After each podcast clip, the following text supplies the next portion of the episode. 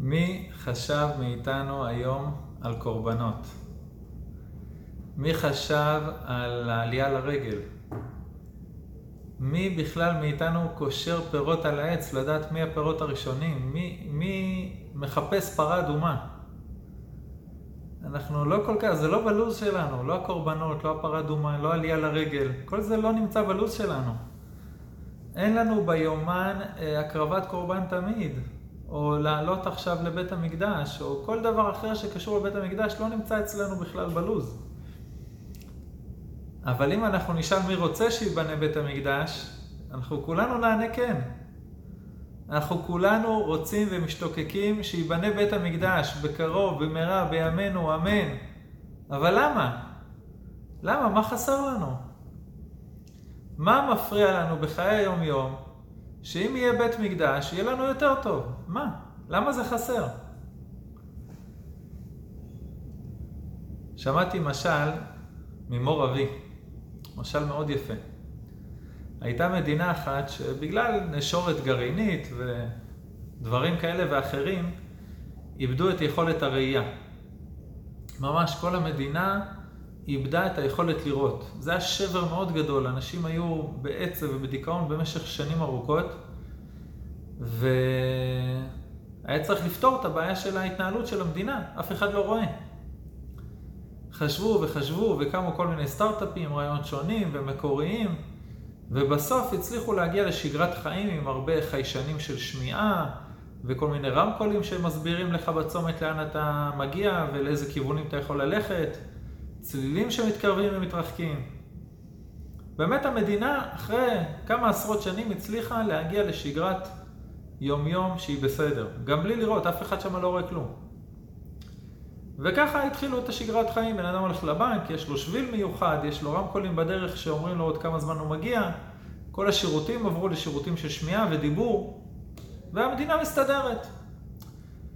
כדי לזכור את היום הנורא הזה, שהמדינה קבעה, המדינה קבעה ליום אחד מיוחד שכולם מתאספים ובוכים ומדברים על, ה... על זה שאיבדו את היכולת לראות. וזה היה באמת, במשך עשרות שנים זה היה יום מרכזי בחיי, היום, בחיי האומה, אבל עברו כמה דורות. ואחרי כמה דורות יושב נכד על הברכיים של סבא שלו, ואומר לו, סבא, על מה אנחנו בוכים היום? מה, מה זה המילה ראייה? מה, למה צריך את זה? למה יש לנו שתי חורים כאלה בראש שאנחנו לא עושים איתם כלום? אפשר להפסיק לבכות, הכל בסדר, אנחנו מסתדרים מצוין, מה הבעיה? וזאת הבעיה הגדולה. אחרי אלפיים שנה של אובדן של נבואה ושל בית מקדש ושל נוכחות השם, אתה, אתה לא יודע על מה לבכות. בסדר, צריך לבכות בתשעה באב, אבל על מה? זה משהו שהוא מאוד רחוק ממני. זה משהו שהוא לא... הוא לא כל כך אה, נוגע לי ללב. על מה אני אמור לבכות בדיוק? לא חסר לי שום דבר בחיי היום-יום. ואם חסר לי משהו, אני מתפלל על זה לקדוש ברוך הוא. מה זה קשור לבית המקדש? בואו נמשיך את המשל, נגיד שהגיע רופא למדינה הזאת. והרופא הזה בניתוח פשוט הצליח להחזיר את הראייה לכולם, אחד אחרי השני, המדינה חזרה לראות. רק ברגע הזה שהם חזרו לראות, הם הבינו מה היה חסר להם כל הזמן. מה זה ראייה? מה זה היופי של הבריאה? כמה החיים שלהם היו מסובכים בלי זה. אבל זה רק אחרי שהראייה חזרה. לפני זה, זה מאוד מאוד מאוד היה קשה להבין מה הבעיה, מה חסר לנו. הרב קוק כותב באורות הקודש, שחיסרון רוח הקודש בעם ישראל זה לא חסרון שלמות. זה לא איזה משהו שוואי, הלוואי שהיה לי, הייתי יותר טוב עם זה. זה מום ומחלה. זה שאנחנו רואים עם העיניים שלנו רק עד לקיר הקרוב, אנחנו לא רואים מקצה העולם ועד קצהו, זאת מחלה. זה לא הגיוני שיהיה יהודי כזה. אנחנו איבדנו, איבדנו את היכולת להבין אפילו מה איבדנו. וכותב הרב קוק, בארץ ישראל היא מחלה מכאבת, והיא מוכרחה להירפא, כי אני השם רופאך. אה, את השבר הגדול של חורבן בית המקדש ראו האנשים של אותו דור, שהיה להם בית מקדש, שראו אותו נחרב ושאחרי זה היו צריכים לחיות בלי בית המקדש. והיה להם קשיים מאוד מאוד גדולים. כשמשהו רחוק ממך, אז הוא לא כל כך מעניין. לפני כמה חודשים שמענו שיש איזו מגפה בסין, במחוז וואן. לא, לא התרגשנו מזה. אבל כשזה מגיע עד אליך זה אחרת. האנשים של אותו דור חוו את זה ממש על בשרם, שבר מאוד מאוד גדול. המשנה במסכת סוטה מספרת, רבן שמעון בן גמליאל אומר משום רבי יהושע, מיום שחרב בית המקדש אין יום שאין בו קללה. הם מכירים את הימים לפני זה, הם מכירים את הימים אחרי זה, ואומרים אין יום שאין בו קללה. לפני זה היה ימים ככה, ימים אסל, ימים באסל. היום, משעה שחרב בית המקדש, כל יום הוא בעייתי, כל יום יש בעיה. ולא ירדת לברכה, וניטל טעם הפירות. והגמרא ברכות בשם רבי חסדאי, מיום שחרב בית המקדש לא נראית רקיע בטהרתה. ואמר רבי אליעזר מיום שחרב בית המקדש נפסקה חומת ברזל בין ישראל לאביהם שבשמיים שאין תפילתה מקובלת. זה מטורף. זה אומר שאנחנו לא באמת מבינים מה זה כוח התפילה של יהודי. כשבית המקדש היה קיים, יהודי היה עולה לבית המקדש, מתפלל, והתפילה שלו הייתה נענית במהירות האור. יחסית להיום, שאתה מתפלל ומתפלל ומתפלל וכולי היי ואולי, רק הדור של אותו, רק האנשים של אותו הדור שראו את החורבן, מבינים באמת מה הם איבדו ביכולת של התפילה. מתפללים ופתאום יש חומת ברזל. זה מפחיד. אנחנו לא מבינים את זה, אנחנו רגילים למצב שאתה מתפלל, מתפלל, מתפלל, מתפלל, והלוואי ומהשמיים יענו לבקשתך, הלוואי. כשבית המקדש היה קיים זה היה אחרת לגמרי. התפילות היו נראות אחרת לגמרי. לא היה חומת ברזל בינך לבין הקדוש ברוך הוא. העולם כולו, כל היקום, מתאבל על חורבן בית המקדש. החיים עצמם, מאז חורבן בית המקדש, לא חזרו למסלול שלהם. מספרת הגמרא בבא בתרא, כשחרב הבית בשנייה, רבו הפרושים בישראל שקיבלו על עצמם לא לאכול בשר ולא לשתות יין. זהו, לעולם, כל החיים, לא לאכול יותר בשר ולא לשתות יין. בא אליהם רבי יהושע, אומר להם, בניי, למה אתם לא אוכלים בשר ולא שותים יין? מה קרה? אמרו לו, נאכל בשר שממנו מקריבים על גבי המזבח, ועכשיו בטל? נשתה יין שממנו מנסחים על גבי המזבח ועכשיו בטל? אי אפשר, לא יכולים, זה חורבן גדול מדי, זה משבית את החיים. אז רבי יהושע זורם איתה, אומר להם, אז גם לחם לא נאכל, בגלל שבטלו המנחות. אז למה אתם אוכלים לחם? אמרו לו, אפשר בפירות, אפשר, נאכל פירות. אמר להם גם פירות, בטלו הביקורים. אמרו לו, נאכל פירות אחרים שלא מביאים ביקורים. אז אמר להם, אז למה אתם שותים מים? הרי בטל ניסוך המים. ושתקו. הבינו ש, שצריך להמשיך את החיים. נכון שבית המקדש היה כל כך מרכזי, אבל צריך להמשיך את החיים, אין מה לעשות, אפילו שנחרב בית המקדש. אבל מהתגובה הזאת אנחנו רואים כמה היה שבר גדול, כמה החורבן היה גדול כשנחרב בית המקדש. אותו הדור הבין מה, מה הבעיה הגדולה. אה, הגולים שעזבו את ירושלים, אנחנו קוראים בפרק קל"ז בתהילים, אם אשכחך ירושלים תשכח ימיני, תדבק לשוני לחיכים לא אזכרכי. זה מה שהם מרגישים. זה מה שהם אומרים, אנחנו לא נשכח את זה. אנחנו אחרי אלפיים שנה. אנחנו אחרי אלפיים שנה, ואנחנו לא מרגישים שאם אין בית מקדש, אז אין לי מה לעשות עם יד ימין, תדבק לשוני לחיקי, אנחנו לא שם. זה דבר שהוא מאוד מאוד כואב. מאז החורבן של בית המקדש, כל הנקודת ההשקה שלנו עם השמיים, עם הקדוש ברוך הוא, היא בעייתית. תחשבו שעל הברז שם יושב עכשיו הוואקף, יושב שם מסגד, לא יודע אם זה מסגד, אבל יושב שם שיקוץ. לא בית המקדש, הרמח"ל במשכני עליון מתאר איך כל אבן בבית המקדש נצרכה כדי להוריד את השפע, כדי לחיות את העולם בגשמיות וברוחניות. כשבית המקדש נחרב בגשמיות, הרבה הרבה צינורות כרגע הם בבעיה מאוד מאוד גדולה. וכשנקודת ההשקה של העולם שלנו עם העולמות העליונים, שזה אבן השתייה, נקודת ההשקה הזאת היא בבעיה, אז כל החיים שלנו הם הרבה הרבה פחות קשורים לקדושה, לרוחניות, לקדוש ברוך הוא. ואנחנו חיים בעולם כרגע שהוא ממש נטול קרבת השם. את המשכורת אתה מקבל מהמעסיק, המים מצאת פתרונות של התפלה, במשבר כלכלי אתה מטפל בנוסחאות מתמטיות, וכשאתה חולה אתה הולך לרופא. כל הנבואה, הדרישה של רוח הקודש, האורים ותומים, כל זה נשמע לנו קצת מנותק מכל המציאות מסביב. אבל סוף סוף אם אין לקדוש ברוך הוא וואטסאפ, אז uh, התקשורת איתו היא ממש בעייתית, זה, זה לא פשוט. וזה רחוק, זה רחוק מאיתנו. כתוב על אלה אני בוכייה וכולי, כי רחק ממני מנחם משיב נפשי. אנחנו היום בוכים על המרחק בינינו לבין הקדוש ברוך הוא. זה אחד הדברים הכי קשים כשנחרב בית המקדש, נוצר דיסטנס עצום בינינו לבין הרוחניות. התרגלנו לזה, אבל על זה צריך לבכות, גם על המרחק וגם על ההרגל, שהתרגלנו שזה בסדר המרחק הזה. אה, ברוך השם, בדורות שלנו מאוד מאוד התקרבנו אל הגאולה, בהרבה מובנים. את זה אנחנו מציינים ביום העצמאות, ביום ירושלים, מודים להשם. אבל בתשעה באב זה הזמן לבכות ולהתאבל ולראות מה אפשר לעשות השתדלות בנושא של הדברים שעדיין לא הגענו אליהם. שזה בראש ובראשונה בית המקדש, גם בתור מבנה גשמי וגם בתור נקודת אור בתוך כל לב של כל יהודי ויהודי. שצריך להדליק שם את הנקודה של בית המקדש ואחרי זה, במקביל, מלמעלה, מאיתנו, גם הבניין הגשמי.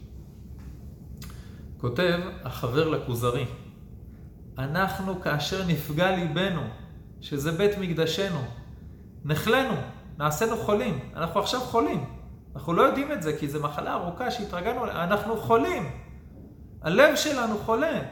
כאשר ישוב ליבנו לאיתנו, נרפא גם אנחנו. אם בלב יש בעיה, ובית המקדש זה הלב של עם ישראל, אם בלב יש בעיה זה משפיע על כל הגוף כולו. אתה יכול לטפל בהרבה הרבה דברים בגוף, אבל אם הלב בעייתי זה כמעט לא יהיה רלוונטי. כולם מכירים את המדרש הזה. השבעתי אתכם בנות ירושלים.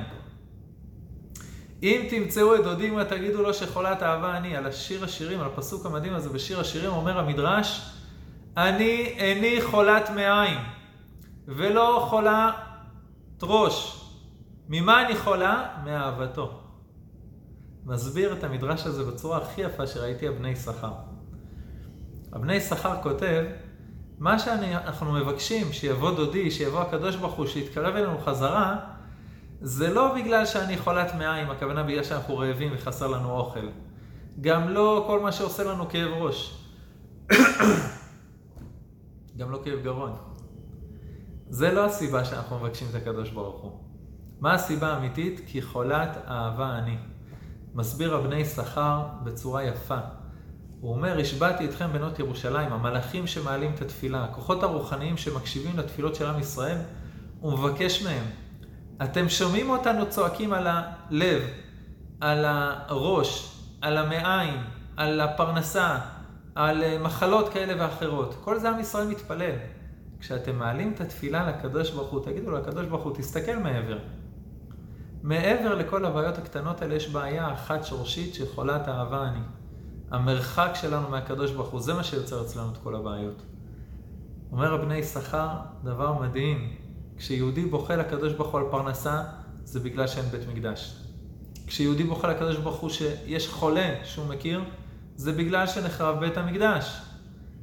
כשיהודי מתפלל לקדוש ברוך הוא על מגפה עולמית, על מחלות, על צרות, על פיגועים, על החינוך ילדים שלו, על הזוגיות שלו, הבעיה האמיתית זה שאין לו בית מקדש. הוא לא מודע לזה. הוא לא מודע לזה שהלב שלו חולה, כי כרגע הרגל כואבת לו. הוא לא מודע לזה שיש לו אה, בעיות בעורקים הראשיים של הלב, כי הראש מתפוצץ לו מכאב ראש. אבל רופא נורמלי, אמיתי, רציני, יבוא ויבין שהבעיה מאחורי כל הבעיות נמצאת בלב, כי חולת אהבה אני. וזה הפסוק בשיר השירים, וזה המדרש, מבקש הקדוש ברוך הוא תשים לב לבעיה העיקרית שלנו, שזה המרחק ממך, החורבן של בית המקדש. זה הבעיה הקשה. כל שאר הבעיות זה בעיות שוליות. צריך להתפלל עליהן, אבל הן באמת נובעות ממקור אחד מרכזי בעייתי, שזה השפע של כל החיים בעולם, שפע של כל הטוב בעולם, השפע של כל הקדושה בעולם, שכרגע הוא חרב. המזל שלנו זה שברוחניות הדברים ממשיכים להשפיע. אבל ברגע שבגשמיות הכל חרב, אנחנו נראים איך שאנחנו נראים, העולם נראה איך שהוא נראה, ואנחנו צריכים את הברז האדיר הזה. פעם בשנה לפחות אנחנו צריכים להבין שהבעיה היא הברז הזה, ולא הבעיות הקטנות שלנו. אבא שלי מספר שב-68 הוא ליווה בצרפת את הרב רוטנברג, הרב שלו, הרב אה, חיים יעקב רוטנברג, זכר צדיק אה, לברכה, ובדיוק היה את המהומות של הסטודנטים בצרפת. והם ראו שאת הרב של היהודים הולך ברחוב. אז הם ישר פינו לו מקום ולקחו אותו והביאו אותו לבמה המרכזית ואמרו, תגיד לנו עכשיו מה אתה חושב על המאבק שלנו. אז הרב רוטנברג ככה מאוד מאוד מבוגר, עלה לבמה ואמר להם, וכל הסטודנטים הצרפתים שם היו בשוק, היו ממש בהלם רציני ממה שהוא אמר. הם חשבו שהוא יתמוך בהם, ש... שיתנגד, ש... הוא תופס את המיקרופון ואומר להם, תקשיבו, המאבק שלכם עכשיו הוא לעבור מליד התפוח הרקוב, אתם נלחמים ממש ממש קשה לעבור ליד החיתול המלוכלך. אני מציע שתפסיקו את השטויות האלה ותצאו החוצה מהפח. כולם היו בהלם, אבא שלי ככה והרב ירדו מהבמה והלכו כולם בשקט, לא מנסים לעכל מה הרב אמר, אבל ככה, זה, זה הלקח, זה הלקח שלנו גם. להפסיק להיטפל לשטויות ולהתחיל לעבוד על הבעיות העיקריות של עם ישראל שהן בראש ובראשונה בית המקדש. במיוחד ביום הזה, בתשעה באב, זה הדבר הכי חשוב שאנחנו צריכים לקחת ללב. הנביא זכריה אומר, רוני ושמחי בת ציון, כי הנה ניבה ושכנתי בתוכך נאום השם. למה הקדוש ברוך הוא בא ואומר לנו לשמוח? על הגילוי שכינה ושכנתי בתוכך נאום השם. כתוב בשיר השירים, הנה זה עומד אחר כותלנו, משגיח מן החלונות, מציץ מן החרקים. הקדוש ברוך הוא תמיד משגיח עלינו. צופה ויודע סתרנו, מביט לסוף דבר בקדמותו. הקדוש ברוך הוא מסתכל, יש לו עינה פקיחה על כל העולם. זה אחד מעיקרי האמונה. ואת זה היינו מרגישים בבירור כשבית המקדש היה קיים. ממש. עם ישראל הרגיש שכבוד השם מלא את המשכן, עם ישראל הרגיש כי מלא כבוד השם את בית השם. זה היה דבר שהיית עולה לבית המקדש ומתמלא כולך. כשם שבא לראות, כך בא להיראות, ואתה מרגיש את נוכחות השם. תחשבו ש... אה, אתה מתווכח עם חבר שלך, יש הקדוש ברוך הוא, אין הקדוש ברוך הוא, אמונה, לא אמונה, בשכל, בלב. פעם לא היה את כל הוויכוחים האלה, היה בעיות אחרות, אבל כשהיית בא ל... יש השם או אין השם, אתה אומר לו, חבל להתווכח. בוא נעלה לבית המקדש, בוא נלך לבית השם, ונראה את נוכחות השכינה. רבנו בחיי, על הפסוק בויקרא, או כלי חרס אשר תבושל בו יישבר, שצריך אה, אה, החרס אין לו תקנה אם בישלת בו ונבלע בו אה, דברים שהם אסורים לאכול אחרי הזמן שלהם שעבר, אז אתה צריך לשבור אותם, שבירתם מתקנתם. עכשיו, בבית המקדש, מה היו עושים כל הכלי חרס? אז אומרים חז"ל, החרסים היו נבלעים בקרקע הזרה. זאת אומרת, היית לוקח את חבר שלך לבית המקדש, אומר לו, בוא תסתכל. אפילו ה- ה- במקום לעשות כלים, לקחת את החרס הזה ולשבור אותו על הרצפה של העזרה, והשברים של החרס נבלעים ברצפה, זהו, נגמר. יש פה משהו שהוא מעל הטבע, יש פה משהו שהוא השראת שכינה, יש פה משהו שהוא אלוקי. אתה לא יכול להתווכח אם יש השם או אין השם כשיש לך את הטלפון שלו. זה לא עובד. אומר רבנו בחיים, לא כן, הייתה עזרה כולה מתמלאה חרסים, אז זה היה נס שטיפל בבעיה הזאת. הוא אומר, זה חלק מהניסים שנעשו במקדש, אני ככה אקרא אותם זריז, אבל רק לדמיין את הניסים האלה. לדמיין מקום שקורים בו כל הניסים האלה, שאתה יכול ללכת עם חבר שלך ולהראות לו את כל זה, ואתה אומר לו, זה הבית של הקדוש ברוך הוא, החוקים הרגילים של הפיזיקה לא עובדים פה. אז רבנו בחיים מביא ככה שורה של אה, ניסים שאירעו במקדש, אנחנו בטח מכירים את רובם. לא הפילה אישה מריח בשר הקודש מעולם, לא הסריח בשר הקודש מעולם, לא הראה קרי לכהן גדול ביום כיפור, לא נראה זבוב בבית המטבחיים, לא נמצא פסול בעומר בשתי הלחם ולחם הפנים, אף אחד מהם לא נטמע. לא, לא כיבו הגשמים אש של עצי המערכה, לא ניצחה הרוח את עמוד העשן. עומדים צפופים, משתחווים רווחים.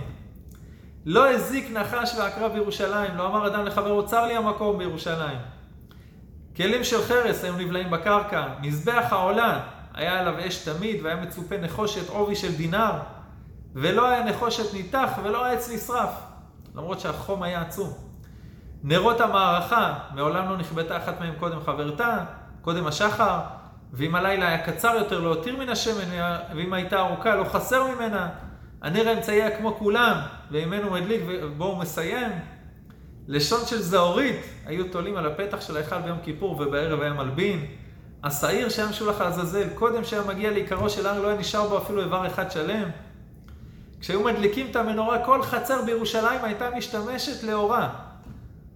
ומשעה שבנה שלמה בית המקדש נטע בו כל מיני מגדים של זהב והיו מוציאים פירות בזמניהם. הייתה גפן שעשויה מזהב וגדלה. מה אתה יכול לעשות? אתה רואה דבר כזה, נגמר הסיפור.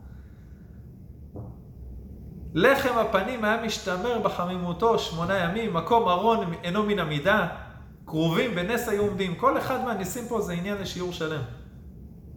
כשאתה מגיע למקום כזה, נגמר הסיפור, נגמר הוויכוחים. אומרת הגמרא במנחות, עדות היא לכל באי העולם, ששכינה שרויה בישראל.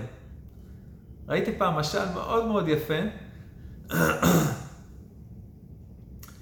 משל שאומר שאתה יכול להגיע לבניין ואתה נמצא בלובי של הבניין, אתה לא יודע כמה קומות יש מעליך. זה יכול להיות בניין של עשר קומות, זה יכול להיות בניין של 200 קומות. אתה לא יודע, התקרה חוסמת לך. אבל אם אתה הולך לאיפה שהמדרגות ומסתכל בפיר של המדרגות עד למעלה, אתה רואה בדיוק את כל הקומות עד למעלה, עד התקרה. העולם הזה כולו הוא תקרה, יש חומת ברזל, אבל כשהיית מגיע לבית המקדש, זה היה המקום של הפיר שבו יכלת להסתכל ולהרגיש את הנוכחות של הקדוש ברוך הוא בעולם. יכלת להרגיש את כל הקומות העליונות. זה המקום ש, שכל הקו מהאור אינסוף יתברך עד אלינו, דרך עולמות האצילות, בריאה, יצירה, עשייה, וכל האינסוף חלקים שיש בתוכם, כל זה מגיע ונוגע באבן השתייה ומתפזר לכל העולם. כל השפע הזה, זה, כשאתה מגיע לשם, היית מתחבר לכל הדברים האלה. זה... את זה איבדנו. את זה איבדנו. רק כשמתבוננים על זה ומדמיינים את זה, מתחילים טיפה להבין מה איבדנו כשנחרב בית המקדש? למה הוא כל כך חסר לנו אפילו בחיי היום-יום? כמה דברים במשך היום היו מסתדרים מאליהם בכלל, גם בתפילות, בקרבת השם, ב, ב, ב, גם עם החטאים שלנו. הילקוט שמעוני כותב, לא, בשם חז"ל, לא לן אדם בירושלים בידו עוון. התמיד של השחר היה מכפר על כל העבירות של הלילה, התמיד של בן ארבעים מכפר על כל העבירות של היום. רבי נחמן כותב, עם ישראל עם קדוש, לפי גודל רוחניותם ודקותם, יש לנו נשמה כל כך עדינה ויפה ומתוקה, אין יכולים לשאת עליהם את המסע של עבירות אפילו יום אחד. כמה, כמה ימים אנחנו מסתובבים עם העבירות שלנו עד שאנחנו זוכים לטבול במקווה, לחזור עליהם בתשובה? כמה זמן אתה סוחב את הקופת שרצים הזאת עליך? על כן אנו צריכים את בית המקדש שיכפר עלינו בכל יום, כותב רבי נחמן. רק תדמיינו חיים שאתה נקי, 24-7 נקי, נקי מעבירות. גם אם נפלת פה ושם זה מתנקה. איזה כיף, איזה כיף, זה, זה כלילות רוחנית שאנחנו לא מסוגלים לדמיין, כמה היא מדהימה. אולי קצת ב, ביום כיפור, באמצע יום כיפור, כשאתה ככה אולי במוסף, אה, ואתה אחרי הרבה הרבה שעות של צום והתנתקות ובתוך התפילות, שם יש איזו כלילות רוחנית כזאת. אתה מרגיש נקי, אתה מרגיש כל כולך פה, אתה מרגיש מלאך. אז תחשבו שאנחנו ככה 24-7, 365, כל השנה כולה. כמה בית המקדש היה מוסיף דבש ואור ושפע לעם ישראל בגשמיות, ברוחניות. כל יהודי היה זוהר כמו יהלום כשבית המקדש היה קיים. זה דבר שאנחנו כל כך צריכים אותו. למעשה, כתוב שכל דור שלא נבנה בית המקדש בימיו, כאילו חרב בימיו. מה זה אומר למעשה? זה אומר שאם בית המקדש היה קיים עכשיו, הוא היה נחרב. זה אומר שזה בידיים שלנו לבנות אותו. בידיים שלנו לפעול, לקדם את הדבר הזה, זה בידיים שלנו, אם לא, לא היו מאשימים אותנו. כל דור שעוד לא נבנה בית המקדש הוא אשם, כאילו נחרב בימה. מה זה אומר? שיש דברים בידיים שלנו שאנחנו יכולים לעשות כדי לקדם את בית המקדש בדור שלנו. לא כשהילדים שלנו יהיו גדולים, לא כשהנכדים שלנו יראו את המשיח. בדור שלנו יש דברים שאנחנו יכולים לעשות בשביל בית המקדש. כותב המדרש רבה על רות, פרשה ה', אמר רבי יצחק בר מריון, בא כתוב ללמדך, שאם אדם עושה מצווה, יעשנה בלב שלם. שאם היה ראובן יודע שהקדוש ברוך הוא יכתוב עליו, וישמע ראובן ויצילהו מידם, אם ראובן היה יודע שזה ייכנס לתורה וילמד אלפי שנים, בכתף שלו היה מוליכו אצל אביו.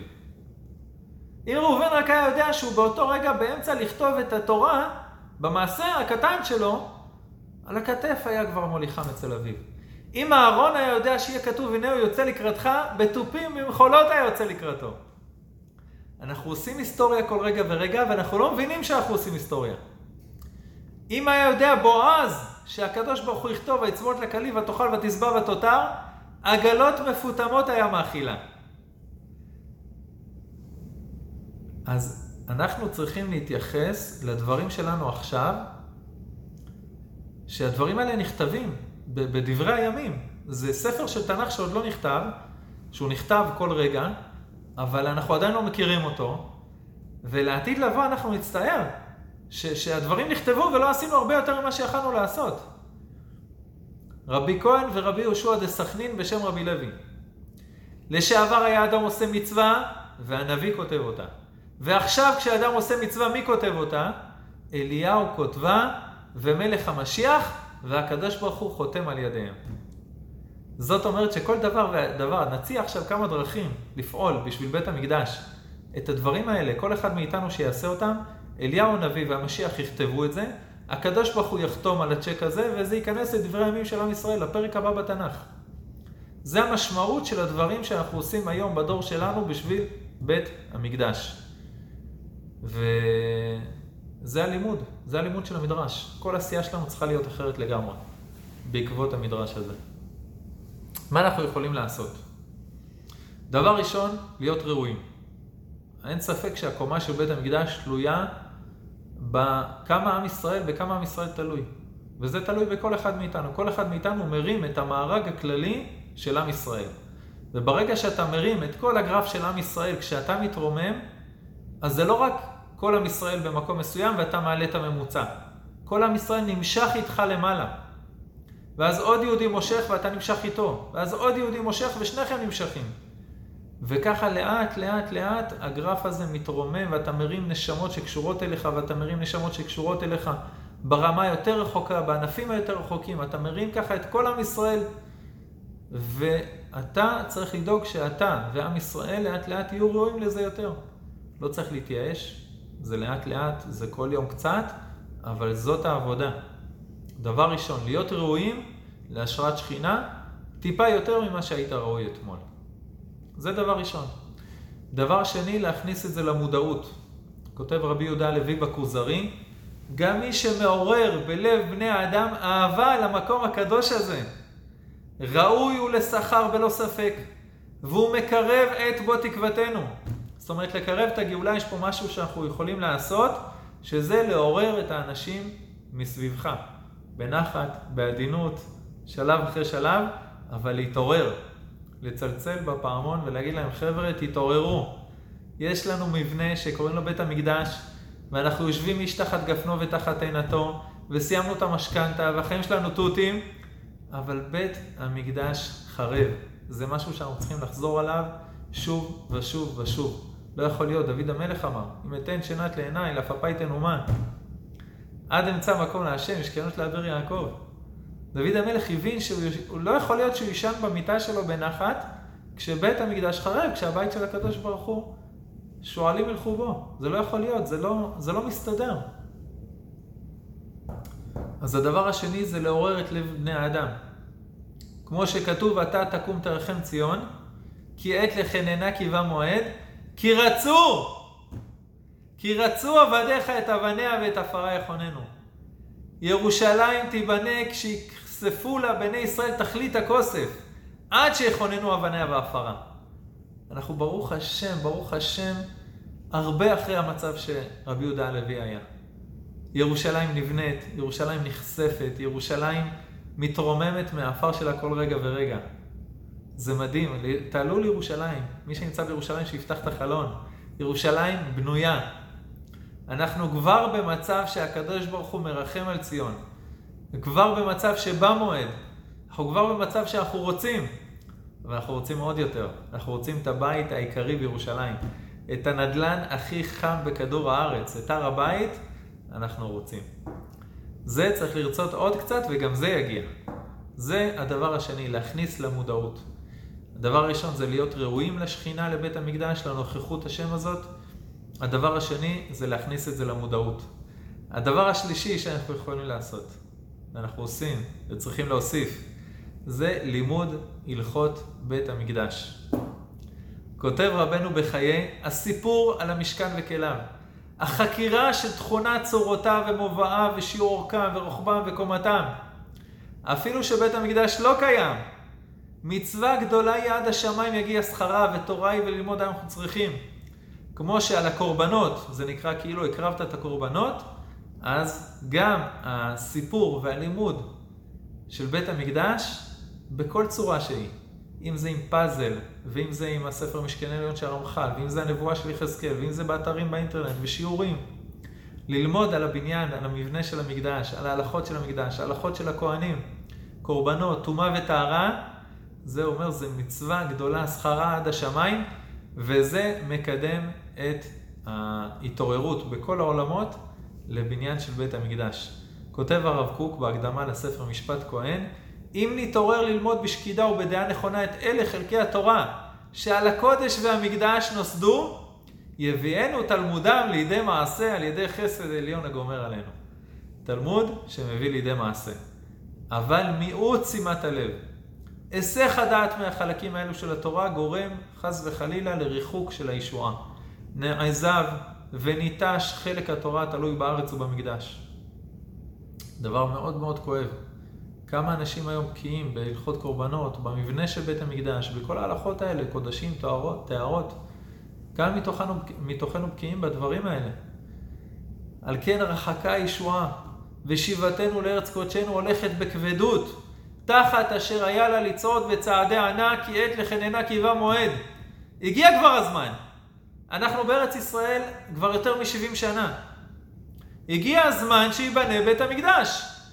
אבל זה הולך בכבדות. אז דבר שלישי שאנחנו יכולים לעשות זה ללמוד את כל הנושאים של בית המקדש כדי שהגאולה תלך בצעדי ענק, לא תלך בכבדות. כותב החפץ חיים זה כמו חתונה. כשהכלה עומדת לבושה ומקושטת ומוכנה להיכנס לחופה, ועומדים ומחכים לחתן שיבוא, אז ממהר החתן להגיע. ככה גם הקדוש ברוך הוא, חתן של ישראל, כי משוש חתן על כלה יסיס עלייך אלוקייך. אם נהיה אנחנו מוכנים ומקושטים בידיעת דיני העבודה בבית עולמים ונעמוד אכן לקראת מלכנו יתברך, מבטיח החפץ חיים בוודאי ימהר ביאתו. זו הבטחה מדהימה של החפץ חיים. איזה יופי. אז זה דבר שלישי, ללמוד את כל הנושאים של בית המקדש. הדבר הרביעי, הזיכרון של ירושלים, להעלות את זכר ירושלים ובית המקדש בכל מצב אפשרי, קודם כל על פי ההלכה. מתי שאדם מתחתן, אז שמים לו אפר מקלה על הראש במקום של התפילין, אפר תחת פאר חס וחלילה, ושוברים את הכוס, וזה הזמן להיות עצובים, לא לצלול צהלולים, זה לא הזמן. להיות עצובים על חורבן בית המקדש, זה המטרה של שבירת הכוס. ושבכל בית ובית בישראל יהיה על אמה על אמה על הקיר, חצי מטר על חצי מטר על הקיר, מול הכניסה לבית. בן אדם נכנס לבית, הדבר הראשון שהוא רואה זה לא התמונת האומנות המדהימה ששמת, זה חצי מטר על חצי מטר, בלי טיח, מעפן, מכוער, זכר לחורבן בית המקדש. זה ההלכות הבסיסיות. מעבר לזה, כמה שיותר להזכיר את זה, להיזכר ולהזכיר את המצב שאנחנו נמצאים של חורבן הבית. זה הדבר הרביעי, לזכור, לזכור את זה כל הזמן. הדבר החמישי זה ציפייה, לצפות. דיברנו על רצו. צריך לצפות לזה, וציפייה זה דבר מוגדר, זה לא איזה דבר ארטילאי. כשהבבא סאלי היה שומר שבת, שומר מלשון לצפות, ואביו שמר את הדבר, אז הוא היה יושב בכניסה לבית ומחכה לשבת. זה, ציפייה זה דבר שהוא מאוד פעיל, הוא מאוד מעשי. יש לך בגדים שמוכנים לזמן הזה. יש לך דברים שאתה עושה בשביל שהדבר הזה יגיע. יש לך זמן ביום, יש לך זמן בשבוע, יש לך זמן במשך השנה שאתה מתעסק עם הדברים האלה. זה ציפייה מעשית חזקה. אומרת הגמרא בשעה שמכניסים אדם לדין, אז שואלים אותו שאלות. נסעת ונתת באמונה, קבעת עיתים לתורה, עסקת בפריה ורבייה, ציפית לישועה. ישאלו אותנו בשמיים, האם ציפינו לישועה? וציפייה זה דבר שהוא ממש, אנחנו צריכים להראות את זה. כן, עשיתי ככה וככה וככה. ציפיתי לישועה. לא, כן, רציתי שבית המקדש יבוא, זה לא ציפייה. ציפייה ממש, לרצות את זה. שיכאב לך הלב כמה אתה רוצה שהדבר הזה יקרה. כמה אתה רוצה שהדבר הזה יגיע. לא ראית את הילד שלך חודש, היה באיזה טיול, והוא עומד להגיע כל יום, ואתה אוהב אותו. לא ראית את ארוסתך שבוע, ופתאום מגיעה החתונה.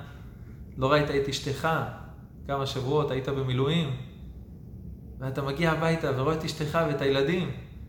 איך מרגישה הדרך של הדקות האחרונות לפני שאתה מגיע הביתה? אתה בן אדם אחר, אתה כל כולך מצפה ומחכה ומשתוקק לרגע הזה שתראה אותם. זאת ציפייה אמיתית, זאת ציפייה. כותב הרב קוק שהציפייה מורכבת משני דברים. בהן היה על שבת ל"א, כשאתה מצפה לישועה זה מורכב משני דברים. קודם כל, שימת עין תדירית. כמו מישהו שעומד ימים על שנה לפעמים, ולא יעזוב עמדתו, מחכה שהדבר הזה יגיע. אבל עוד דבר כלול בציפייה לישועה, שזה משהו מעשי. כשאני מצפה לישועה ואומרים לי, אם תלחץ על הכפתור הזה, הישועה תתקרב, בטח שאני אלחץ. אז אם אני מצפה לבית המקדש ויש לי איזה משהו לעשות כדי לקרב את זה, אני ירוץ ויעשה באותו רגע את הדבר הזה. אומר הרב, בכל עת מצוא, כשהוא מוצא איזה משהו שיראה שראוי לעשות איזה דבר לישועה, יחיש פעולתו ולא יעזוב. זה, זאת ציפייה אמיתית. זאת ציפייה שהיא באמת, באמת, באמת ציפייה לדבר אמיתי ולא סתם איזה מס שפתיים. כן, כן, אני רוצה שיהיה בית המקדש. אז למה אתה לא עושה? למה אתה לא מתקרב? למה אתה לא עושה דברים לקרב את זה? ציפייה אמיתית כוללת עבודה קשה לקרב את הדבר הזה אליך. אומרת הגמרא בסוכה, מנהלן דאבדינן זכר למקדש, אמר רבי יוחנן, כתוב בירמיהו כי יעלה ארוחה לך וממכותייך חרפאיך נאום השם, כי נידחה קראו לך ציוני, דורש אין לה. מה זה דורש אין לה? אומר רבי יוחנן, מכלל דבעי הדרישה. צריך שאנחנו נדרוש את הדבר הזה.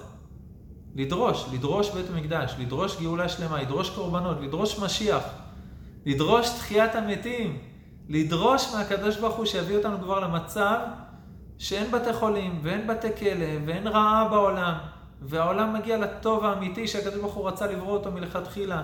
לדרוש שהדברים האלה יקרו. ציוני דורש אין לך, חס וחלילה. כתוב במשנת רבי אליעזר, נידחה קראו לך, הוא אומר, זו הוכחה לשארית שנשקעו בארצות שבים. חס וחלילה נמצאים עדיין בגלות, למרות שיש כבר ארץ ישראל ואפשר לעלות לארץ ישראל ועדיין נמצאים בגלות. אומר, כתוב, זו הוכחה. נידחה קראו לך, הוכחה לשארית שנשקעו בארצות שבים על ידי שאינם זוכרים את בית המקדש. ובמה צריכים לזוכרו? את כל הלימוד של כל בית המקדש וכל דבר שאפשר לעשות אותו. על המטה, שכל הזוכר הוא חי והוא שב, ושאינו זוכר אינו חי ואינו שב. יש בן אדם איתי פה בעבודה, שסבתא שלו, שם המשפחה שלה היה קלז. והוא שאל אותה למה, מה זה השם משפחה קלז? היא אומרת לו, פרק קל"ז בתהילים. אם ישכחך ירושלים, שכח ימיני. זה פרק קל"ז בתהילים. זה מדהים. ו... אה, הם קבעו את השם משפחה על שם הפרק הזה. שלא יהיה מצב שהם לא מצפים לבית המקדש, לחזור לציון, לחזור לירושלים, וזה היה שם משפחה, זה דבר מדהים. דבר מדהים. כל הזוכר הוא חי והוא שב, ושאינו זוכר אינו חי ואינו שב. אנחנו מכירים כולנו את המילים מהשיר של יורם טהורלב. והוא חולם כי כמו שאת העיר בנה, יניח למקדש את אבן הפינה, על כפיו אותה יביא לאליהו הנביא. זאת ציפייה, ציפייה לבית המקדש, ציפייה לירושלים. הבן אדם שמתואר בשיר, זה מדהים, האנשים שמתוארים שם. כותב מדרש שמואל, כל אותם האוכלוסים שנפלו, חס וחלילה, הרבה אנשים שנהרגו, לא, לא נפלו אלא על ידי שלא טבעו את בניין בית המקדש. זה דבר שאנחנו חייבים לקחת לתשומת הלב. לתבוע את בית המקדש זה חוסך לנו הרבה צרות ואסונות חס וחלילה ופיגועים ודברים כאלה, זה חוסך הרבה. כותב ילקוט שמעוני בשם רבי שמעון בר יוחאי לא אותך מעשו כי אותי מעשו וכולי, בשלושה דברים עתידים למאוס במלכות שמיים, במלכות בית דוד ובבניין בית המקדש. חס וחלילה מעשו את שלושתם בימי ירובעם, ויען איש ישראל ויאמר אין לנו חלק בדוד זו מלכות שמיים, ולא נחלה בבן ישי זו מלכות בדוד. איש לא עליו ישראל ולא לבית המקדש, אל תקרא לו עליו אלא לאלוהיו. עם ישראל מאס בשלושתם. במלכות שמיים, במלכות בית דוד ובבית המקדש. ואומרת, אומר המדרש, אמר רבי סימון בר מנסיה, אין ישראל רואים סימן גאולה לעולם עד שיחזרו ויבקשו את שלושתם. זאת אומרת, מצפים מאיתנו לבקשה הזאת. אחר ישובו בני ישראל וביקשו את השם אלוהיהם, זה מלכות שמיים. ודוד מלכם זו מלכות בית דוד. ופחדו אל השם ואל טובו זה בית המקדש. אנחנו כולנו מכירים את ההמנון הלאומי, את התקווה, אבל אנחנו לא כל כך מכירים את כל הבתים המקוריים של התקווה. ויש בתקווה שני בתים מאוד חשובים, שמתי עוד לא עבדה תקוותנו, אני אקריא את המילים של נפתלי אר צימבר, כל עוד חומת מחמדנו לעינינו מופעת, ועל חורבן מקדשנו עין אחת או דומעת. כל עוד דמעות טהורות מעין בת עמי נוזלות, ולבכות לציון בראש השמורות, עוד תקום בחצי הלילות. זה הסימן שעוד לא עבדה תקוותנו, כשיש ציפייה תדירית לבית המקדש. הדבר האחרון, הדבר השישי והאחרון, אה, ואפשר להוסיף כל אחד, כל מה שהוא חושב בנושא הזה זה מצוין. אה, אני רשמתי פה עוד דבר אחד אחרון, קשר פיזי. מה זה קשר פיזי? הר הבית ברגלינו. יש הר הבית בידינו, שזה לא החזיק מעמד הרבה זמן, אבל הר הבית ברגלינו. כל מקום שרגליים של יהודי הולכות, כל אמה ואמה בארץ ישראל שרגליים של יהודי הולכות, שם נמצאת השכינה, בפועל. זאת מצוות ההורשה שאנחנו מצווים להוריש את הארץ. לא יכול להיות שבמקום הכי קדוש לעם ישראל לא יסתובבו שם יהודים. אז הדבר האחרון זה ממש לעלות להר הבית בקדושה ובטהרה לפי כל ההלכות. אני מדגיש כל אחד לפי רבותיו, לא לעשות אה, אללה בבאללה ולרוץ. זה מקום מאוד קדוש ונוראי, וככל שהקדושה שם יותר גדולה והרצון שלנו להגיע לשם יותר גדול, ככה צריך יותר להיזהר. אז בקדושה, בטהרה, לפי כל ההלכות ולפי הרבנים שלך, אם הם מתירים את העלייה להר הבית, אבל הקשר הפיזי הזה הוא חשוב. אם הרבנים שלך אומרים לך, חכה רגע, צריך שעוד קצת, שעם ישראל ישתוקק עוד יותר, ואז נעלה להר הבית, בסדר, אז תגיע לסיבוב שערים, תגיע לכותל, תעלה להר הבית, אבל תיעצר בשער בכניסה ותגיד, עד כאן אני יכול ללכת. הקשר הפיזי הזה, זה העבודה של הרגלים, העבודה של העלייה לרגל, העבודה של הרגליים. שאם זה לא בא מהראש, אם זה לא בא מלמעלה, אז זה נכנס דרך הרגליים. ללכת לכותל המערבי, לבנות דגם של בית המקדש, להגיע למוזיאון המקדש, לעשות כל מה שצריך שהפיזי, בצורה פיזית, להיות קשור לבניין המקדש. ונסיים בקינה של תיקון חצות ושנאמרת בליל תשעה באב, נסיים במילים האלה בתפילה להשם, אור ענה ימינך עליון, ובנה ברחמך את ציון, ויאמר לעם דל ואביון, כי ניחם אדוני ציון. במהרה בימינו, אמן.